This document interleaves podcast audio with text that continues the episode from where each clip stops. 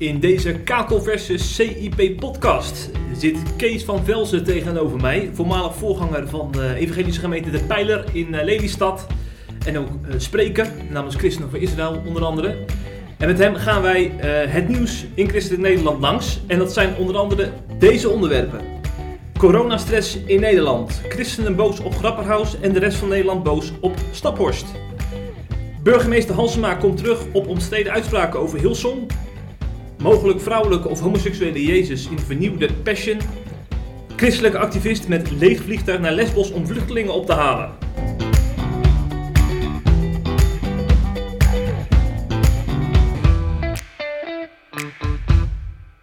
Kees, van harte welkom in de CIP-podcast. Jeffrey, wat een eer, dankjewel. We hebben natuurlijk heel lang gestreden voor jouw komst hè, in deze podcast, ja. dat zal je begrijpen. Ja, ja met dreigementen en alles.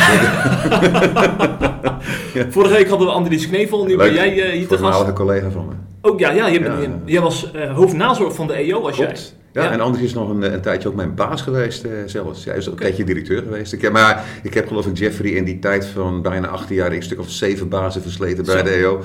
Dus misschien ben ik toch wel een hele moeilijke jongen ja, hoor, als ik over terugdenk. nee, uh, het is maar mooi. Leuk dat Andries daar heeft, aan heeft meegewerkt. En voor de luisteraars die benieuwd zijn wat nou jouw bezigheden zijn in het dagelijks leven, wat is dat dan? Dat is um, genieten van uh, mijn gezin. En ik ben echt dan in die zin een pensionado. Maar tegelijkertijd ja, heel veel dingen doen. Ik spreek in verschillende kerken. Ik kom in, in van echt letterlijk hersteld, hervormd tot uh, Pinkstergemeente. Tot en met Pinkstergemeente. Dat vind ik fantastisch. Nou, Christen voor Israël. Uh, natuurlijk hebben we livestreams enzovoort. Ik, zit, ik doe nogal wat ook in België. Betrokken bij Via Nova. Voorheen de Belgische Evangelische Zending. Zit ik in het bestuur. En uh, ja, voor de rest sporten en auto's en motoren. Wat nog altijd een grote Zo. hobby is van me. Zo hé.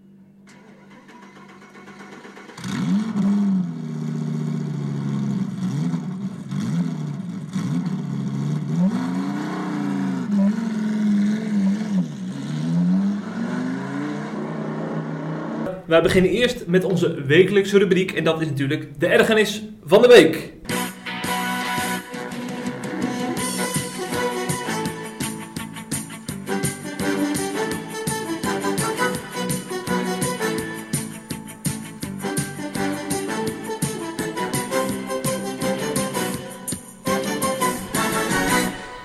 Kees, heb jij nog ergens aan gestoord in de afgelopen dagen? ja, ja ik, tegelijkertijd vind ik zo leuk, want ik weet dat de Bijbel zegt dat de ergernis huist in de boezem van de dwazen. Dus daar moet ik me uitkijken. Maar inderdaad, Jeffrey, ik ga dan toch. Uh, ja, wat, wat, ik, wat ik echt wat ik erg vond en in die zin ook wel me aan geërgerd heb, is het volgende berichtje.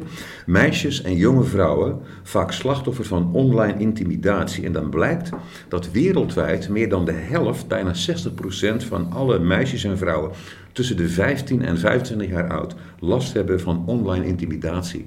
En dan bijvoorbeeld, ze zijn betrokken bij iets, ze zeggen ze iets, ze geven hun mening over iets. En dan worden ze nota bene bedreigd met verkrachting en krijgen pornografische beelden toegestuurd. En ik vind dat echt verschrikkelijk. Juist omdat we vanuit de Bijbel zo'n prachtige ethiek hebben rond seksualiteit. Uh, vind ik het verschrikkelijk om dat mooie wat God daarin ook gegeven heeft en, en, en, wil geven. Omdat gewoon, stel je voor, iemand met verkrachting bedreigen omdat zij dan iets zegt waar je het dan misschien niet mee eens bent. En dat heeft mij diep geraakt. En ik ga iets heel fout zeggen nu. Er was een nummer ooit, ik geloof van Weile John Lennon. Dan zei hij dit, schrik ik niet. Women, women is the nigger of the world. Ik vind het woord nigger, vergeet dat meteen. Maar dat was de titel hè, van, van dat ding dat hij zei van gediscrimineerd worden. Nou, ook in de tijd van racisme en zo. Heel terecht dat we er aandacht aan besteden. Maar ook dat vrouwen, daar blijf je van af. Dat doe je niet. Je gaat niet iemand waar je mee misschien oneens bent op die manier bedreigen en zo. Dat meer dan bijna 60% dat meemaakt. Ik vind dat verschrikkelijk. Dus ja, dat vond ik erg. En, ja. en hopen dat we na zeg maar, al die MeToo-affaires, uh, dat we dit uh, meer in het oog hebben. Hè? Want sindsdien ja. hebben we toch al een soort van ommekeer gezien. Ja, ik vind wel, ja, ik vind dat je dat goed zegt. Ik vind een, een ommekeer, dat ben ik met je eens. In de zin van dat het niet, wat kennelijk in sommige kringen vanzelfsprekend was, hè, uh, seksuele gunsten voor uh, dingen kunnen regelen voor iemand, dat dat tenminste boven tafel is gekomen.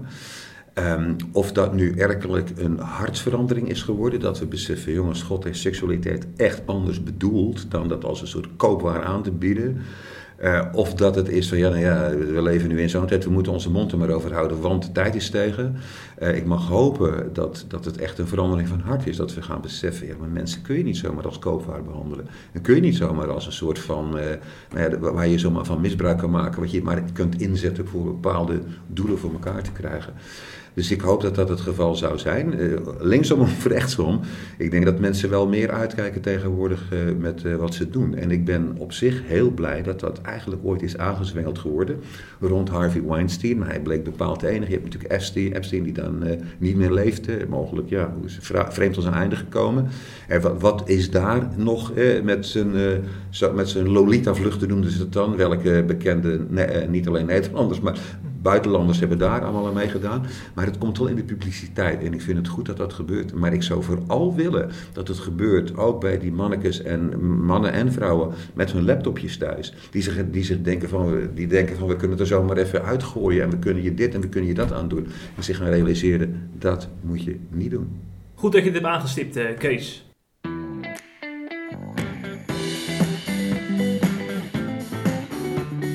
Hoe denkt Kees van Velzen over het omstreden kerkbesluit van minister Grappenhaus? Je hoort het in de CIP-podcast.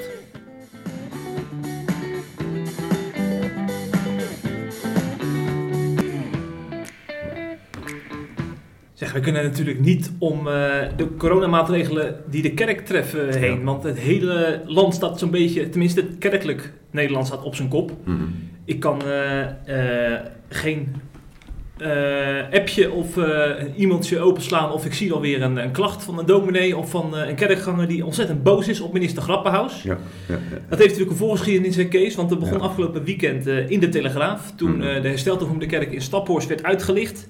Daar zouden 600 kerkgangers uh, plaatsnemen in die kerk en ook nog samen zingen. Nou, dat bleek allemaal wat genuanceerder te zijn, want ze zaten verspreid over drie kerkgebouwen. Ja. En er werden ook heel veel, uh, eigenlijk werden alle coronamaatregelen in acht genomen. Ja. Hè. De handen werden ontsmet, uh, er werd afstand gehouden.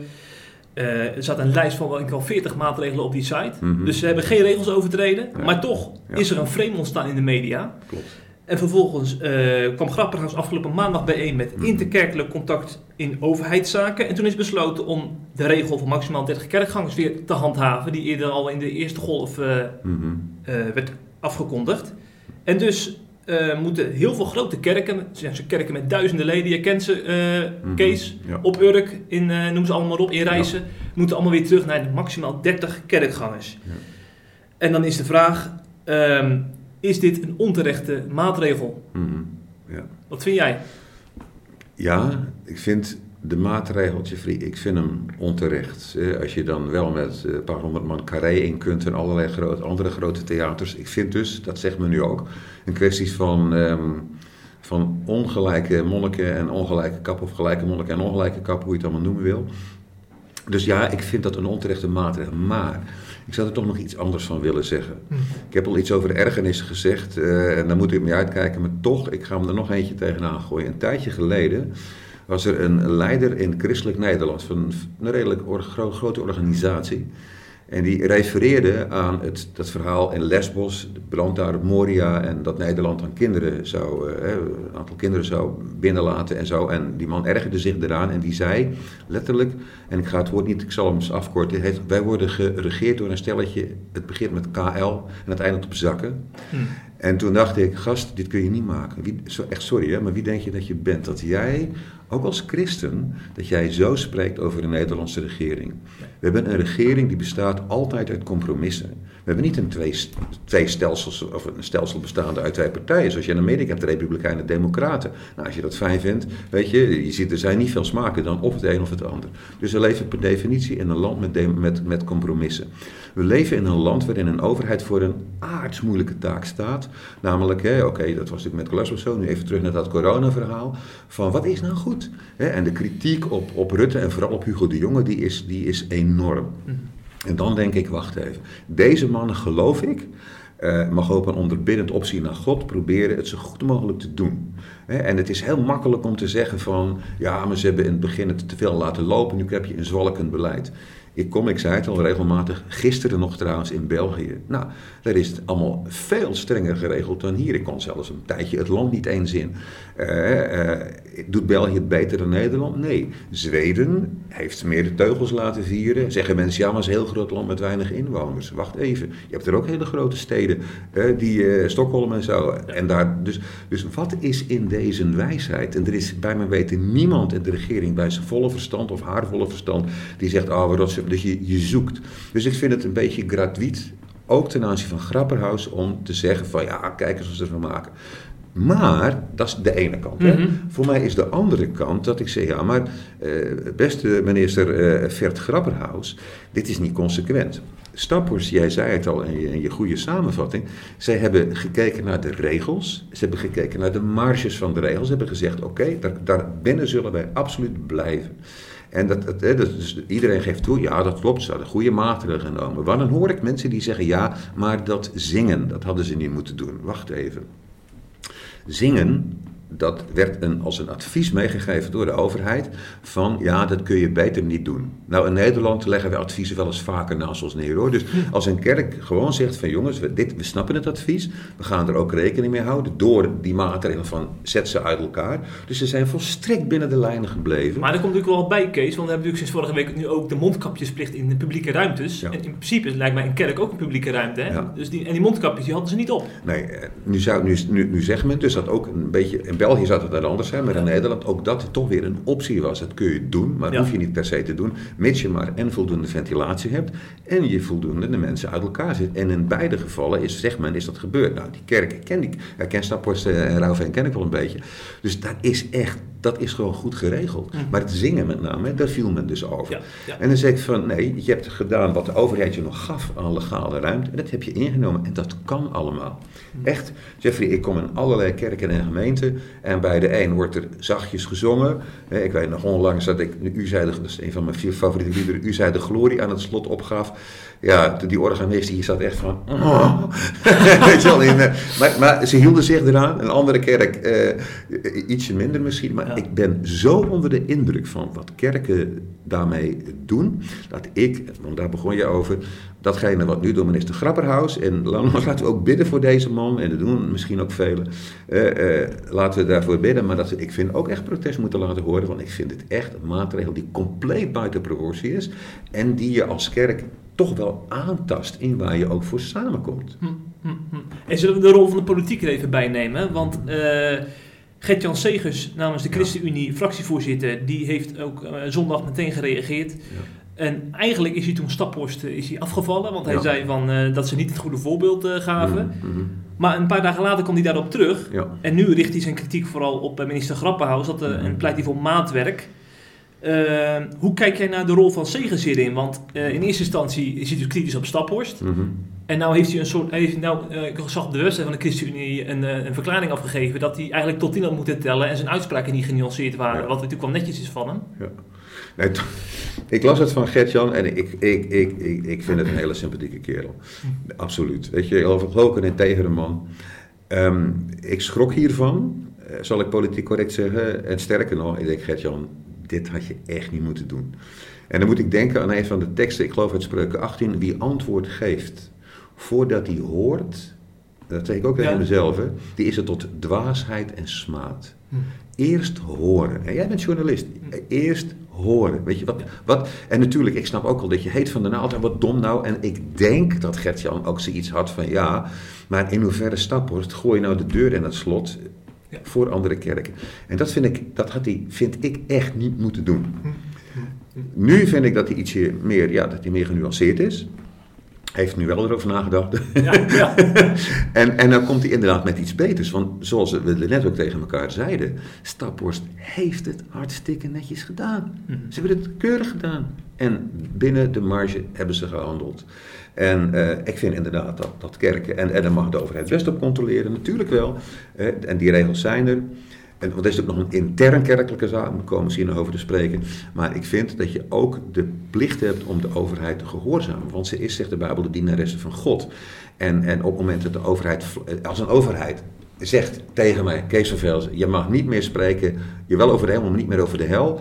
Dan zeg ik, sorry, eh, dit is wat de Bijbel ook, ook over een aantal dingen zegt. Eh, dus daar, ga ik, daar zal ik, waar dat nodig is en zo is, zal ik erover spreken. Dat gebeurt niet. Er wordt niet gesproken wat we inhoudelijk eh, wel of niet zouden mogen zeggen. Eh, kun je over Amsterdam nog wat van vinden, maar dat is nog weer een ander, nog weer een verhaal. Ja, ja. Hè, maar in principe mogen wij ontzettend blij zijn. Ook dat wil ik nog, nog toch wel graag tegen jou Ja. en tegen onze luisteraars zeggen. Een van mijn geweldige schoondochters, drie fantastische vrouwen. eh, maar eentje komt, de jongste komt uit Pakistan. Hm. Eh, als ik zie en als ik hoor, eh, Jeffrey, hoe daar christenen moeten leven, hoe daar ze ook gepest worden, het is verschrikkelijk. Laten wij dan Ja. letterlijk God op onze knieën danken, Mm. maar dan ook echt letterlijk dat wij nog zoveel vrijheden Ja. hebben hier in Nederland. En nu toch over de rol van de overheid hebt, Ja. zal ik even die uitspraak van Arnold Huigen erbij pakken. Ja. Christelijk gereformeerd hoogleraar. Ja, ja, ja. En hij eh, schreef op Twitter het volgende. Eh, hij is het ook helemaal niet eens met die maatregel van Grapperhaus. Hè. Volstrekt Mhm. overtrokken, ongeloofwaardige overreactie. Gebaseerd op feiten. Eh, niet gebaseerd op feiten, maar op de onderbuik van de Telegraaf. En dan zegt hij: Ik zeg, luister niet naar de overheid. Maar wel hoor dat de overheid zegt dat er nog steeds ruimte is om zelf afwegingen te, ma- te maken. Blijf zelf nadenken. Als hij dan zegt, luister niet naar de overheid, wat denk jij dan? Ja, die zin is natuurlijk een heel gevaarlijke. Alleen, en dat bleek ook uit wat je nou net gelezen hebt, vervolgens, vervolgens nuanceert hij dat. Hij nuanceert het wel. En, en, en dus ik, ik, ik zou die uitspraak niet voor mijn rekening op dit moment nog nemen van luister niet naar de overheid. Maar ik zou zeggen van jongens, ga nou eens intelligent te werk. Ik bedoel, Jezus zegt dat de wereld gaat met meer kinderen van het duisternis, met meer overleg te werk dan kinderen van het licht. En daarmee bedoel ik dit, wat ik net van Stappers zei. Wat zijn de marges? Wat kunnen we nog wel? En Even nog binnen, buitenkerkelijk, hè? dus overheid versus... eh, Binnen de kerk kun je er ook nog allerlei verschillende Ja. ideeën over hebben. Nou goed. Maar ten aanzien van de overheid, wat zegt de overheid nou precies dat niet mag? Ik sprak pas iemand in België die zei tegen mij: Het is toch erg eh, voor jou? Ik zeg: Hoe bedoel je? Je mag nooit meer harder dan 100 rijden in Nederland. Ik zeg: Nou, ah, had er nog wel mee te leven, zeg ik dan. Oké, maar, maar ik zeg nee, vanaf eh 9, eh, 7 uur s'avonds kun je Ja. wel gewoon 120, 130 rijden waar dat is toegelaten. Mhm. Oh, dat wist hij niet. Eh, ik zeg, dus het is niet alleen maar dat, en dat is een beetje een flauw voorbeeld misschien. Maar laten we nou echt eens kijken, wat zegt de overheid? En misschien moet je het ook op een bepaald moment best op die marge, op die grens durven gaan zitten. Ook als, ook als je een kerk hebt met drie- 3000 leden, zoals in Urk bijvoorbeeld. Ja, omdat, en dat vind ik het argument van John MacArthur. Ik denk dat velen zullen hem wel kennen van Grace Community Church. Die op een bepaald moment gezegd heeft van jongens, jullie kunnen met pout hachelen. Ik ga gewoon met mijn diensten door. Die heeft op een gegeven moment gezegd van wij gaan daar, die, die heeft echt ervaren dat er inbreuk werd gedaan in bijvoorbeeld de lengte van zijn preek notabene. Weet je wel, van die zei ja, dat bepaal ik nog altijd zelf. Maar dat je dus kunt zeggen van wat eh, zegt de overheid precies en hoe ga ik daar op met die grens om, Ja. om te kijken wat werk wel kan. Maar, en dat is mijn argument van John MacArthur, wij verplichten niemand om naar de kerk te komen. En dat, dat vind ik een heel sterk argument. Je kunt zeggen, eh, als je in de kerk, hè, mensen die zeggen, leiding van de kerk, wij vinden echt dat je zo moet uitkijken. Het is, het is een, een virus wat je niet mag onderschatten. Terwijl Ja. anderen zeggen van, joh, weet je, een griepvirus, is, eh, eh, dat, dat kost helaas meer, meer slachtoffers. Maar in de kerk hou je rekening met elkaar. En er zijn mensen die zeggen van, sorry, ik ga echt niet komen. Ook niet op anderhalve meter, ook niet met een mondkapje. Respecteer die broeders en zusters. En maar vind ik, als je als kerk geeft de faciliteiten om te zeggen, jongens, we gaan gewoon kijken naar wat kan wel. En daarbinnen, eh, daarbinnen blijven. En dat zegt de Huigen precies hetzelfde. Hij zegt, zorg ervoor dat je binnen die marges blijft. Zorg ervoor, dat je, maar dat je wel gaat kijken hoe ver kan het gaan. Maar met andere woorden, Kees, dan hoef je niet aan die maximumgrens van 30 kerkgangers te houden dan. Dan zou ik op dat moment eens gaan kijken. Nee. En, en, en misschien dan maar, nou ja, eh, laat maar kijken. Als er dan, dan is er de overheid, en eh, dat, zo, dat gebeurt ook bij John MacArthur. Dat die zegt, ja, dan laten we het gewoon voorkomen. En dan gaan we het van, eh, ook hoorde ik vandaag notabene, dat er een aantal gevallen in Arnhem geloof ik voor de rechter gekomen zijn. Van mensen die dus een boete hadden gekregen. Die hebben ofwel de boete kwijtgescholden gekregen, Mhm. of die zijn teruggegaan van 300, 400 euro naar 95 euro. Hm. Ongelooflijk. Maar eh, wat we dus deze week gezien hebben, je weet, in de gereformeerde gemeente komen ze ook wel eens door de week samen. Hè, in Zeker, ja, gelukkig wel. Ja. Ja, Maar Ik ben een fan hè, van, die, van die mannen. zeker. Ja. zeker. Dinsdagavond in Ierseke. Eh. Toen was natuurlijk al die maatregel al afgekondigd door uh, Grapperhaus. En Ja. er zaten in de gemeente in Ierseke zaten tussen de 350 en 375 kerkgangers. Ook gewoon op basis van goede maatregelen. Ja, afstand ja, houden, eh, handen ontsmetten en dergelijke. Blijkbaar hebben ze daar ook een heel groot kerkgebouw. Ja, ik ken, ik ken. En zij durven het aan, hè, ondanks die maatregel van Grapperhaus. Nou, ik zal het zeggen in hun dialect. Ja. Jilder op biezen en groot gelijk. ja, ik ben Zeeuw, dus ik versta je. Ja, ja, ja precies. Ja, ja, maar ik kom van Kraamdiek. Dus, dus ik, wij spreken hetzelfde dialect. Ik vind ze groot gelijk hebben. Ja. ja. Want nogmaals, ze houden zich aan de maatregelen. Mm, mm. En ik vind het, weet je, ik weet hè, ik, ik hoorde net nog ook eh, wat commentatoren via BNN-Vara. En die, ah, die christenen dit en dat. Weet je, jongens, wees ook alsjeblieft niet te bang als christen. hè. Eh, Maar dat zei Huigen ook, hè? Ja, Braafheid is geen, is geen vrucht van de Nee, geest. nee, nee, nee, nee. En dan kun je zeggen, maar stoerheid is het ook niet. Maar ik vind wel, eh, wees mannelijk, wees sterk. Zeg ik ook, ook, ook in wat we net eerder zeiden, hè, over, over hoe je met elkaar omgaat. Maar dan mag je ook op een bepaald moment een bepaalde onbevreesdheid betonen. En, en gewoon kijken van, oké, en... en Nogmaals, door alleen maar lief en vriendelijk en erg mee leven te zijn, ga je volgens mij ook geen mensen winnen. Nee. Wel, wel hè, de Joden, Jood, de Griek en de Griek worden, hoe, ook culturele verschillen, hoe ga ik daarmee om, dat weet ik wel. Maar voor de rest, alsjeblieft dan een beetje de guts, mannen en vrouwen, kom op. Over guts gesproken, laten we even een fragmentje horen van Kees van der Staaij van de SGP. Het is elke vergelijking. Je kan altijd je wel weer boos maken als je zegt, maar kijk daar nou eens en kijk hier nou eens. Hè? Maar als je nou één kerk neemt, de Sint-Janskerk in Gouda. Daar mogen door de week nu 300 mensen zich vergapen aan de prachtige gebrandschilderde ramen die daar te zien zijn. Dat is museum. Nou, die gaan die Wordt er- in fases. wordt een concert gehouden. Ja, dan er is mogen er wel een 250 mensen komen. En dan de zondagse eredienst, dan mag het echt niet meer dan 30. Nee, maar Wat mag is niet altijd verstandig. Stel nou, meneer Van der Staaij, want het is wat er nu ligt, hè, eh, dat is eigenlijk een dringend advies. 30 mensen maximaal en niet zingen. Stel nou dat komend weekend bijvoorbeeld die grote kerk in Staphorst, hè, dat die zegt: Ik heb hier de grondwet in de hand. En wat ons betreft zijn hier gewoon 600 mensen welkom. Wat vindt u daar dan van? Wat ik zie is, eh, kijk, ik ga daar niet op speculeren van als dit en als dat. Wat Nee, ik maar zie dat, maar is dat, zou, dat ook zou kunnen, hè? Wat ik zie is dat men steeds bereid is, niet alleen om te zeggen van dit zijn onze rechten en dit gaan we doen. Steeds bereid is om te luisteren wat zijn de argumenten, wat zijn de redenen om ook nog verder eh, af te schalen, Nou ja, om maatregelen in acht te nemen. Deze kerk in Staphorst liet weten, eh, wij moeten hier nog over vergaderen. Die zeiden niet meteen zonder... eh, Zeker, er ontstaat nu wel het gevoel, kijk, dat is niet goed voor draagvlak, dat mensen zeggen, nou, er wordt nu, naar aanleiding van commotie die gisteren is ontstaan, eigenlijk in één keer, zonder mogelijkheden voor maatwerk, rigoureus afgeschaald. En is dat wel terecht? Dit wordt ook wel een beetje, ik, ik geloof in een zeker meeveren met de samenleving, maar het moet ook niet zijn dat de opiniepeiling van de dag bepaalt wat de maatregelen zijn. Zeg, dat voorbeeld van, van Van der Staaij over Gouda, dat, dat- dat, is wel een punt, hè? 250 mensen door de week die Ja, het, het, het boeiende is, Jeffrey, je weet wel de voorbeelden uit te kiezen. Je begint over Ierseke, wat ik ken, en nu over Gouda. En Die ken je ook al. Nou, en ik, heb, ja, ja, toen ik nog ooit bij een bandenbedrijf in de motorracerij zat, et cetera, woonde ik in Gouda. En in de Sint-Jan heb ik ooit beleidenis van mijn geloof gedaan. Oh, ja. Ik weet hoe een schitterende en enorm grote kerk dat is. Dus ik vind dat Kees van der Staaij absoluut gelijk heeft. Wat ik van der Staaij in dit geval ook heel mooi vind, is dat hij zo duidelijk is. Terwijl die man ook enorm humorvol kan zijn. Dat kan echt de Tweede Kamer aan het lachen krijgen tot en met. En hier staat hij voor iets en daar ben ik ontzettend blij mee. Inmiddels ook de ChristenUnie, ik weet het. Hè, maar jongens, sta ervoor en eh, ga niet eh, de politiek correcte dingen zeggen. Zeg en hoe het op neerkomt. En ik vind dat hij gelijk heeft als hij zegt van... eh, dit is een beetje de waan van de dag regeert. Dat moet je niet doen, minister Nee. Grapperhaus. Minister Grapperhaus komt aanstaande vrijdag bijeen weer met hetzelfde interkerkelijke Ja. overleg hè, Mhm. om, eh, om te bepalen hoe Ja. nu verder. Klopt. Stel je nou voor dat hij nou toch met maatwerk gaat komen, dan is heel, al deze ophef een week lang voor niks geweest. Ja, dan, nou, dan moeten we denk ik binnenkort weer. Maar Ja, maar ik zou dan denken, denk dan eerst na hè, voordat je zo'n maatregel Ja, afkomt. Precies. En, en kijk, ik snap het wel. Eh Grapperhaus, eh, ik blijf een schitterende naam vinden, is natuurlijk iemand, ook natuurlijk in verband met zijn huwelijk, is hij natuurlijk is Oh, ja. paf, paf, ja, om de oren geslagen. Hm. En die man, het is een stevige kerel, hij schijnt ook aan gewicht even te doen en zo. Krachtsporten enzovoort. Dus hij kan wel een stootje fysiek hebben, denk ik. Maar het is natuurlijk wel een klap geweest voor hem. Ja. En hij is daar, schijnt het heel erg van ondaan geraakt. Van dat hij zei, jongens, hoe heb ik het kunnen doen?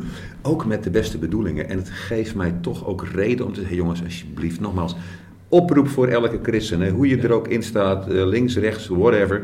Bid voor de overheid, want zij hebben geen makkelijke taak in deze.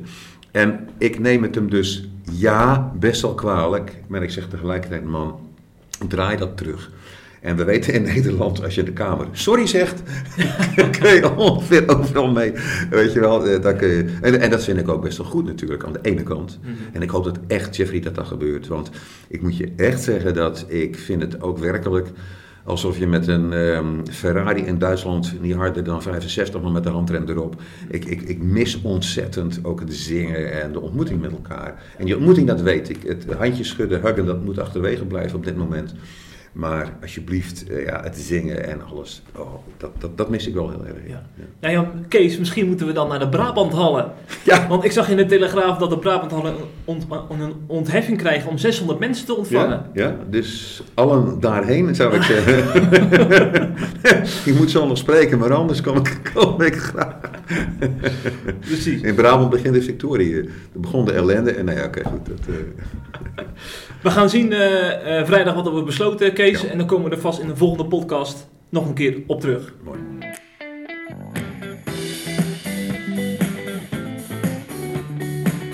Het laatste nieuws uit Christelijk Nederland bespreken we in de CIP-podcast.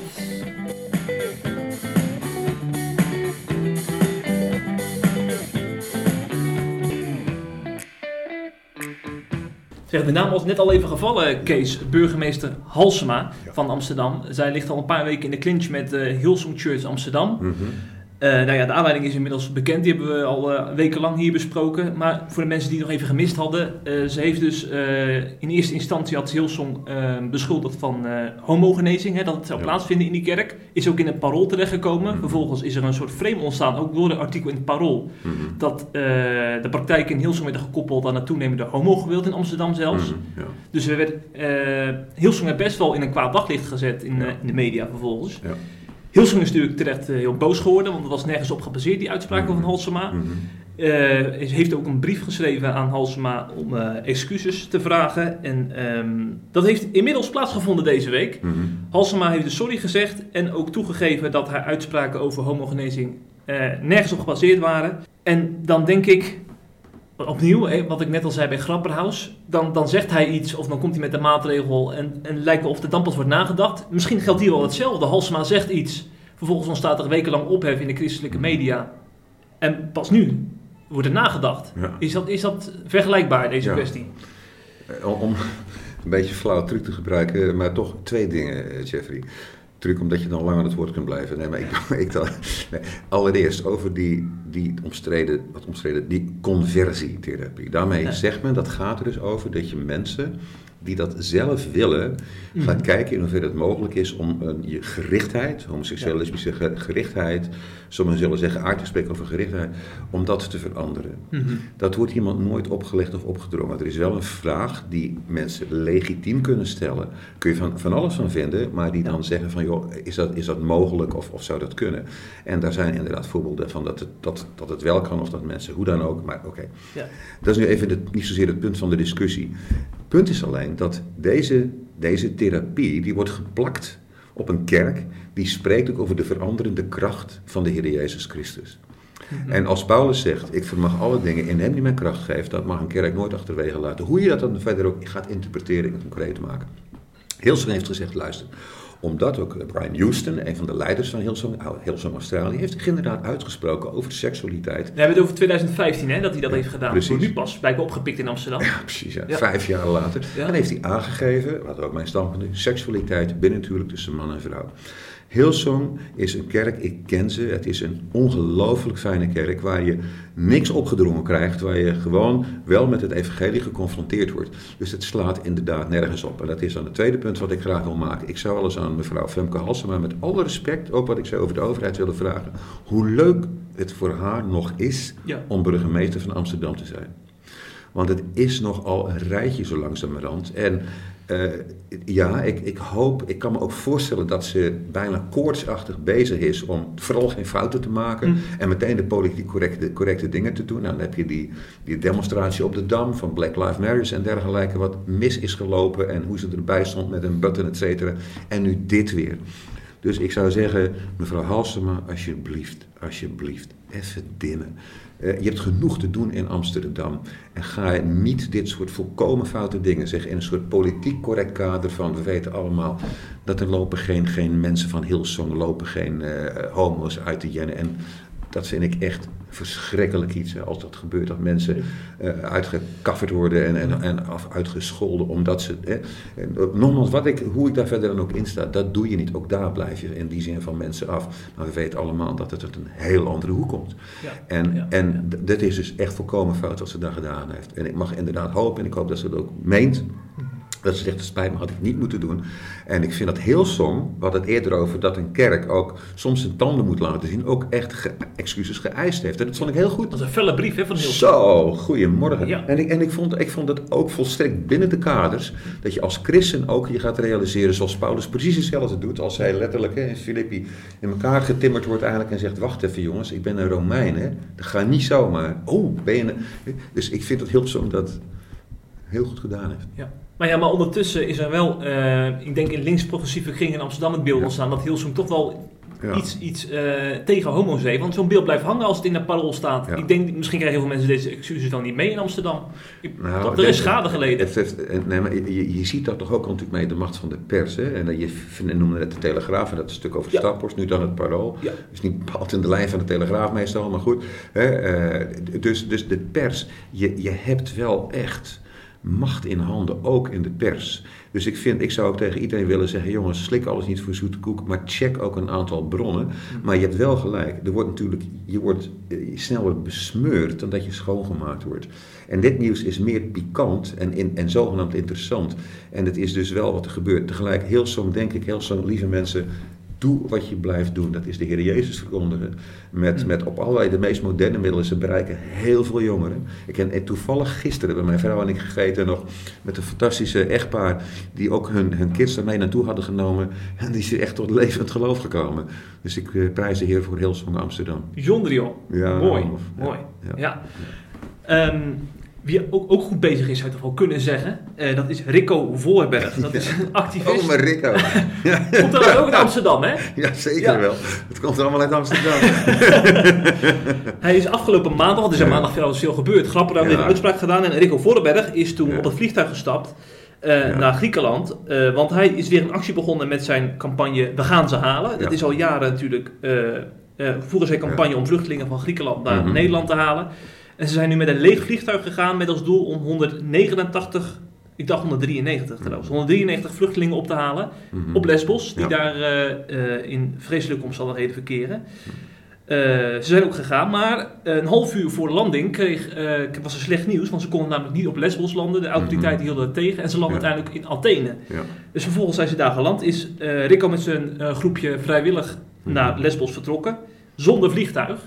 En ja, dus de, de, vraag wat ze daar nu kunnen doen. Want ja. je kan niet uh, zonder vliegtuig daar mensen denk ik, van het eiland halen. Maar ze gaan ze niet halen, denk ik. Nee, nee dat gaat het niet worden. gaan ze ook niet halen, nee, denk ik niet. Maar de, ja. de keerzijde is weer wel, wat deze activist natuurlijk altijd bereikt, is ja. weer dingen in het, op de agenda ja. zetten. Hè? Ja, dat, dat is Rico als geen ander. Kijk, hoe, hoewel ik het met zijn politieke standpunten niet altijd eens ben, houd ik er wel van. Uh, van mensen die, die wel een beetje um, een wat bonte kleur, bontere kleur hebben dan, dan, dan sommige anderen. Ja. Tegelijkertijd moet Rico natuurlijk ook een klein beetje uitkijken. In die zin dat hij is ook ooit met een bus op pad gegaan, ook in het nieuws gekomen. Ja, ze kwamen in Duitsland toen, toen strandde de bus. Ja.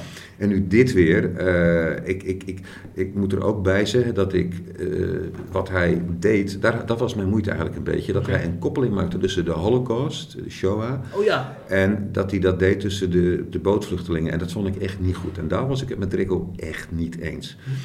En voor de rest, ja, hij weet toch dingen in beweging te krijgen. Maar ja, ik, het kan zijn dat het toch weer uh, ja, toch een beetje op een sof uh, gaat uitlopen. En dat, dat, zal voor zijn geloofwaardigheid ook niet te goede komen. Maar ik zou Rico en zijn maats en broeders en zusters, ik zou ze graag de volgende vraag willen stellen.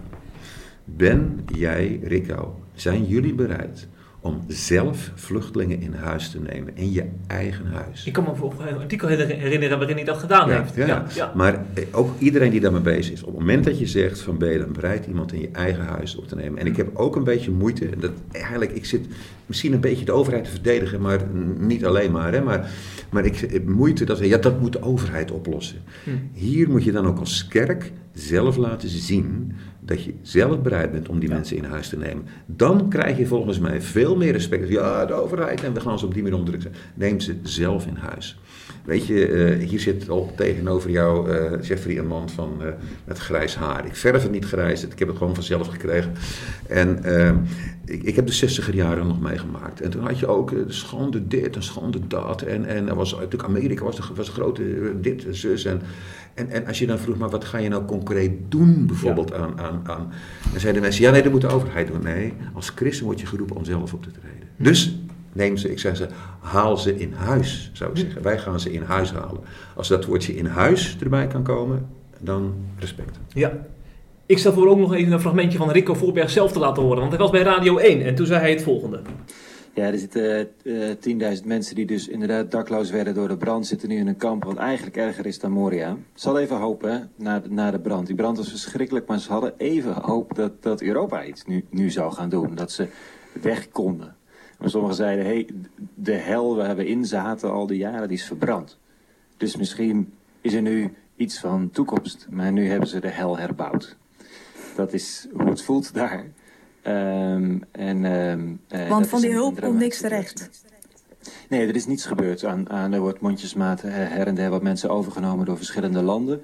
Maar er zitten ondertussen 10.000 mensen uh, in, een, in een kamp... wat, wat zo gauw er ook maar een beetje storm opsteekt... Uh, uh, het absoluut niet gaat houden. Er zijn 10, 20 wc's voor 10.000 mensen. er wordt één keer per dag eten uitgedeeld en dat is echt niet genoeg. Water zijn lange rijen, eten zijn lange rijen. Veiligheid is niet te garanderen. Nou, het is... Ja, denk jongens, we hebben dit toch met Europa georganiseerd? Uh, nou, is niet, is niet te merken. Uh, maar wat uh, Dirk Stegemaan is de, de voorganger van in, in Den Haag, die ook bij het kinderpardon aanwezig was en die, nou, met wie ik intensief contact heb over, deze, over dit initiatief, die zei, um, um, het is niet alleen een, een, een, een staaltje van bravoure, schreef hij, maar het is vooral een staaltje van bravery. En moed is gewoon nu wat heel hard nodig is en wat juist zo ontbreekt aan alle kanten. Ja, um, deze Rico die, uh, die zit hem heel erg hoog. Dat wij in, dat dit, hij heeft het ook heel vaak over Europa. Hè? Hoe kan het toch dat dit vreselijke kamp in Europa al jarenlang in deze omstandigheden voor blijft bestaan? Want die kamp, dat kamp is natuurlijk pas afgebrand in Moria. Ja. Vervolgens is er een kamp herbouwd. Maar hij constateert, naar aanleiding van al zijn contacten die hij daar heeft, dat het nog steeds een dramatische toestand is. Je zou maar één keer per dag te eten krijgen, Kees. Dat moet ik niet aan denken. Ja. En uh, ergens moet, is het toch wel te prijzen dan dat hij uh, de handschoen nu mm -hmm. aanpakt en daar ook met een groepje naartoe gaat. Ja, ja. Weet je, ik, je, je hoort ook mijn aarzeling. Ik, ja. ik vind dit een. Um, ik vind het inderdaad een hele lastige.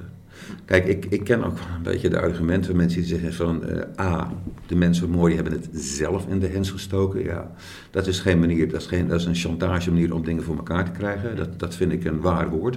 Maar dat doe je ook niet zomaar. Ik ken ook het argument, daar voel ik wel het voor, vang ze op in de regio. En wat, moet je, wat help je die mensen nou echt om ze dan in Europa te brengen, et cetera.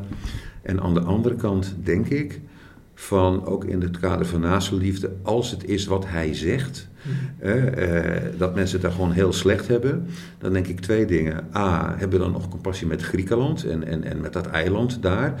En in hoeverre, inderdaad, zeggen we jongens, Griekenland, bekijk het maar, wij gooien de grenzen dicht. En wij laten ze niet in Europa binnen. Dus ik heb daar, ik sta daar, moet ik bekennen, ik sta er echt dubbel in. Aan de ene kant denk ik, zo ga je niet met mensen om. Tegelijkertijd denk ik van ja, uh, ook, ook als er mensen onder zouden zitten, bijvoorbeeld die om des willen zijn moeten vluchten, weet je wat, het bekende argument dat er dan de goede onder de kwade moeten leiden. Dus ik, ik denk dat er meer mogelijk is. Tegelijkertijd constateer ik ook, ze hebben het zelf in de brand gestoken. En uh, dat, had, dat kan ook niet. Maar het hele vluchtelingenprobleem, dat is, dat is een hele lastige. En opnieuw kom ik toch terug.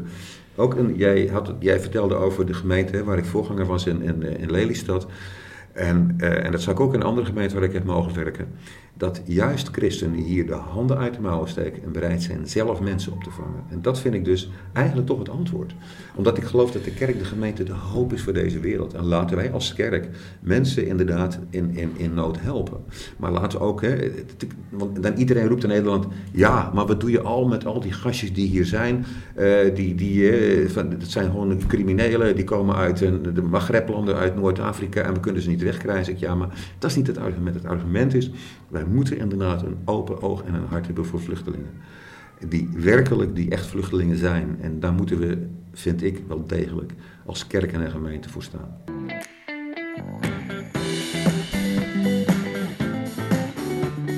Dit is de CIP-podcast met opiniemaker Kees van Velzen.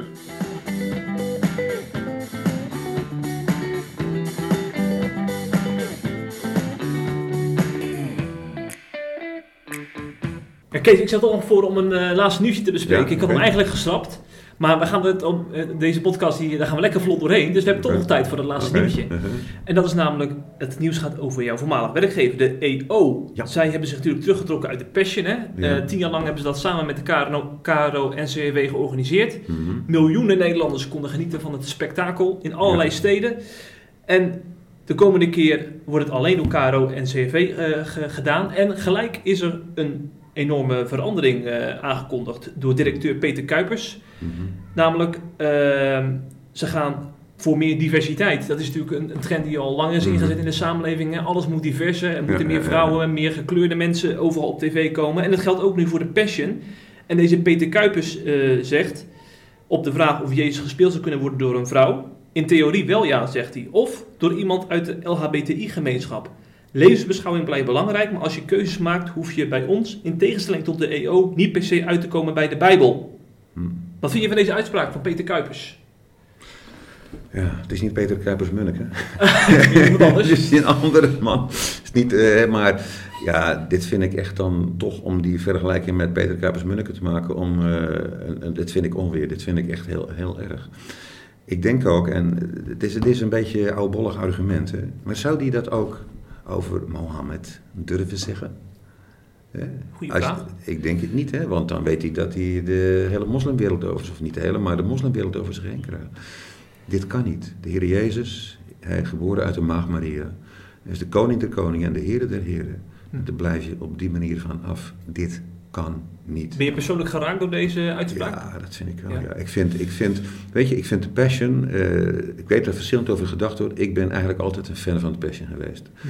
Ook omdat je daar soms mensen had, hè, uh, uh, Dwight en zo, weet je wel, die, die echt echte christenen zijn en de rest. Maar ook mensen die gedwongen werden om te lezen, waar ging het over? En die daar stuk voor stuk door geraakt werden. Dus ik vind het eigenlijk in deze in this day and age vind ik, het een, vind ik het fantastisch. Ik vind het echt oprecht jammer dat hij, oh, wat voor reden dan ook, zijn verschillende verhalen over uh, mee gestopt is. En als de EO dan in dit geval zout en zout was, dan mis ik dat zout nu deerlijk. Maar ik vind echt niet dat dit kan. Ik vind echt niet dat dit kan. Dus dat raakt me, ja, dat raakt me zeker. Ja. Weet je, het is al mijn Heer en Heiland, de redder van mijn leven.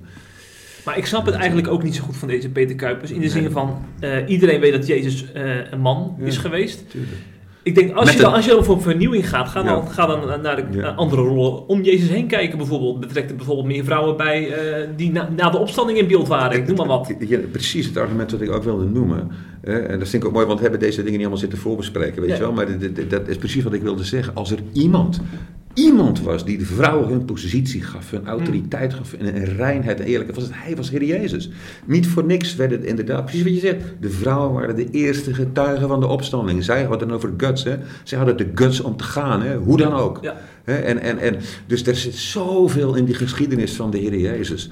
Dat over hoe hij ook met vrouwen omging. Dat is revolutionair voor onze tijd. Kom op, hou je bij die geschiedenis. En je hebt meer dan genoeg om deze wereld uh, te veranderen. Hij moet ook voor de EO al pijn doen, want het is eigenlijk het kindje van de EO jarenlang geweest. Ja, en nou, uh, nou zie ik ook weer heel veel mensen, ook natuurlijk bij CIP, uh, eh, onder, onder dit artikel zeggen van ja, nu ben ik helemaal klaar met die passion, ik, ik ga nou niet meer kijken. Nee, nou, dat vind ik heel erg. Ik vind het echt heel ja. erg. En kijk, de EO heeft wel gezegd bij monden van Arjan, Arjan Lok, van ja, we gaan uh, ons iets anders doen. Ja, Arjan, kom op zou ik zeggen. Ga iets doen. Uh, laat zien wat je als jou doet. Hè. Doe iets wat nog beter is dan dat. Ja. alsjeblieft, dit is wel dan nu de kans om dat te doen. Dus het is ook een oproep voor de EO. EO, laat je zien en laat je horen en verkondig Jezus. Ja, ja. Wie de handen nog niet heeft teruggetrokken uit de patient, dus de PKN, de Protestantse Kerk in Nederland, die, uh, die hebben ook een rol bij, uh, bij tot, totstandkoming van de Passion met de KRO en CRV. Zouden zij uh, hun stem moeten laten horen, vind je? Dat is zelf grappig. Er is bijna een lijn door deze podcast. Zijn van Kerken, kom op. Zeg tegen die, die, die beste meneer, zeg tegen hem van no way. Bekijk het maar, dat gaan we niet doen. Toon ook hier dat je, dat je ergens zo durft te staan. En dan, ze zeggen ik heb, dat weet ik zei het al, ik heb iets in België, zeiden ze in Antwerpen, klinkt het niet, dan botst het maar. Hè? Klinkt het niet, dan botst het maar. denk ik, ja, hè? Laat, je, laat, je, laat je zien en laat je horen. Dit kan niet. Dan zou ik tegen die mensen zeggen, maak er iets heel moois van. Dat is een unieke gelegenheid, maar ga niet dit soort politiek, in sommige kringen dan politiek correcte dingen doen. Dat moet je nooit doen. Integendeel, nogmaals, in geschiedenis is is veel te mooi en veel te levensveranderend om het op die manier eens tot een speelbal te laten worden van allerlei politiek, al dan niet correct denken. Hm, hm, ja, zeg, een paar maanden geleden was het nog komkommertijd bij ons ja. bij CIP, maar daar is nou echt geen sprake meer van. Wat ongelooflijk. Halsema en Grapperhout en de Passion. Er speelt echt van alles. Het zijn gouden tijden voor jou, Jim. Daar zit jij toch niet? Nee, nee, nee. Oké. ja, iemand in, in, mijn kerk heeft al gesuggereerd dat wij Grapperhout betaald hebben als CIP om die maatregel door te drukken. Laat, maar, maar dat is niet waar, hè? Of, nee, nee, nee, nee. Nee, joh. Nee, ik, ik, ja, nee, het zijn bijzondere tijden. Maar het zijn ook fantastische tijden. Ik bedoel, in Amerika waar van alles er nog wat gebeurt, maar ook in Israël en om Israël heen waar dingen gebeuren. Ja. Dus uh, fascinerende tijden. En ik, ik moet je zeggen, ik. Uh, ik stond zaterdag een paar weken terug met een, een, kapotte auto en een caravan in Frankrijk aan de kant van de weg. En ik moest de volgende dag zou ik spreken in de Kruiskerk in Huizen. En toen stond ik daar met een rokende motor en nou, ik zei het al, ik ben een autoliefhebber. En toen stond ik, heer, waarom gebeurt dat? En toen moest oh, ik er aan denken dat ik zo de volgende dag in Huizen spreek over psalm 16 vers 8. En daar staat, ik stel mij de Heer voortdurend voor ogen en daarom wankel ik niet. En toen dacht ik, ik zit nu hier met die auto. Mhm. En mijn vrouw is dan een kordater als ik zal ik eerlijk zeggen. Ik zeg, Heer, ik ga u voor ogen stellen. Ik kijk naar u. En echt waar, Jeffrey, God heeft het vervolgens zo gezegend. Met de, met de man mogen bidden, dank u Heer, die de auto heeft weggesleept en zo. Een Fransman, ik spreek de taal een beetje. denk ik, laten wij echt onze ogen op God gericht houden. En niet alleen maar naar inderdaad uh, mooie en ook soms minder mooie dingen die gebeuren. Maar houd hem in het oog en dan wankel je niet. Zeker, mooie Kees.